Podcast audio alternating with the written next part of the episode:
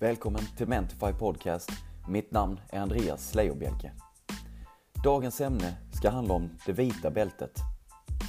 Vi ska inleda dagens podcast med ett citat.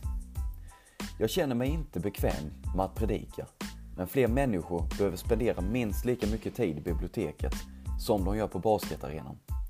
Karim Abdul Jabbar, basketspelare. I kampsporter, som till exempel karate, så får du ditt första bälte, som är vitt. Det betyder att du håller på att lära dig grunderna. Sedan så avancerar man genom olika graderingar och får nya bälten med olika färger under processen. Det högsta bältet man kan uppnå, det är det svarta bältet. Utanför kampsporten så är det vanligt att den som varit på ett arbete, i en relation eller utövat en sport i 10 år eller mer, att den nu plötsligt kan allt. Man har nu vad jag kallar det svarta bältsyndromet. Tecken på det här är att personen som har mer erfarenhet vägrar ta råd från den som ska ha mindre erfarenhet inom ett område. Man har blivit någon, anser sig vara fulländad, bevisar sin makt och ego tar över. De mest framgångsrika artisterna, atleterna och företagsledarna har det svarta bältet inom sitt område. Men de tar varje dag på sig det vita bältet. Många har uppnått framgång, men dalat väldigt snabbt. Ett exempel på någon som fortsatt att ständigt lära sig, det är Tom Brady, världens bästa quarterback genom tiderna i amerikansk fotboll. Han kollar efter att han har spelat en match på matchen i repris.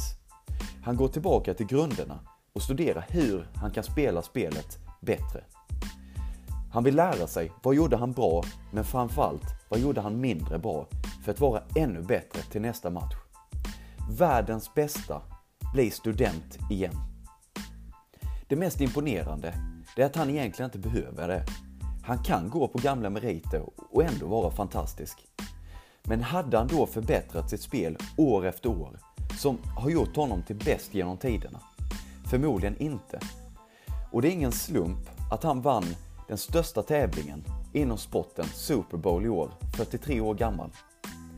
Att bära det vita bältet, det får dig att bli student igen varje dag. Du vill lära dig nya saker, få mer kunskap och utveckla ditt hantverk. Inom det området där du har lyckats, snälla, tro inte att du är speciell och nu kan allt. Din bägare kommer då att vara full och du kan inte lära dig något nytt. Märk mina ord, du kommer att halka efter och andra kommer att utvecklas medan du stagnerar.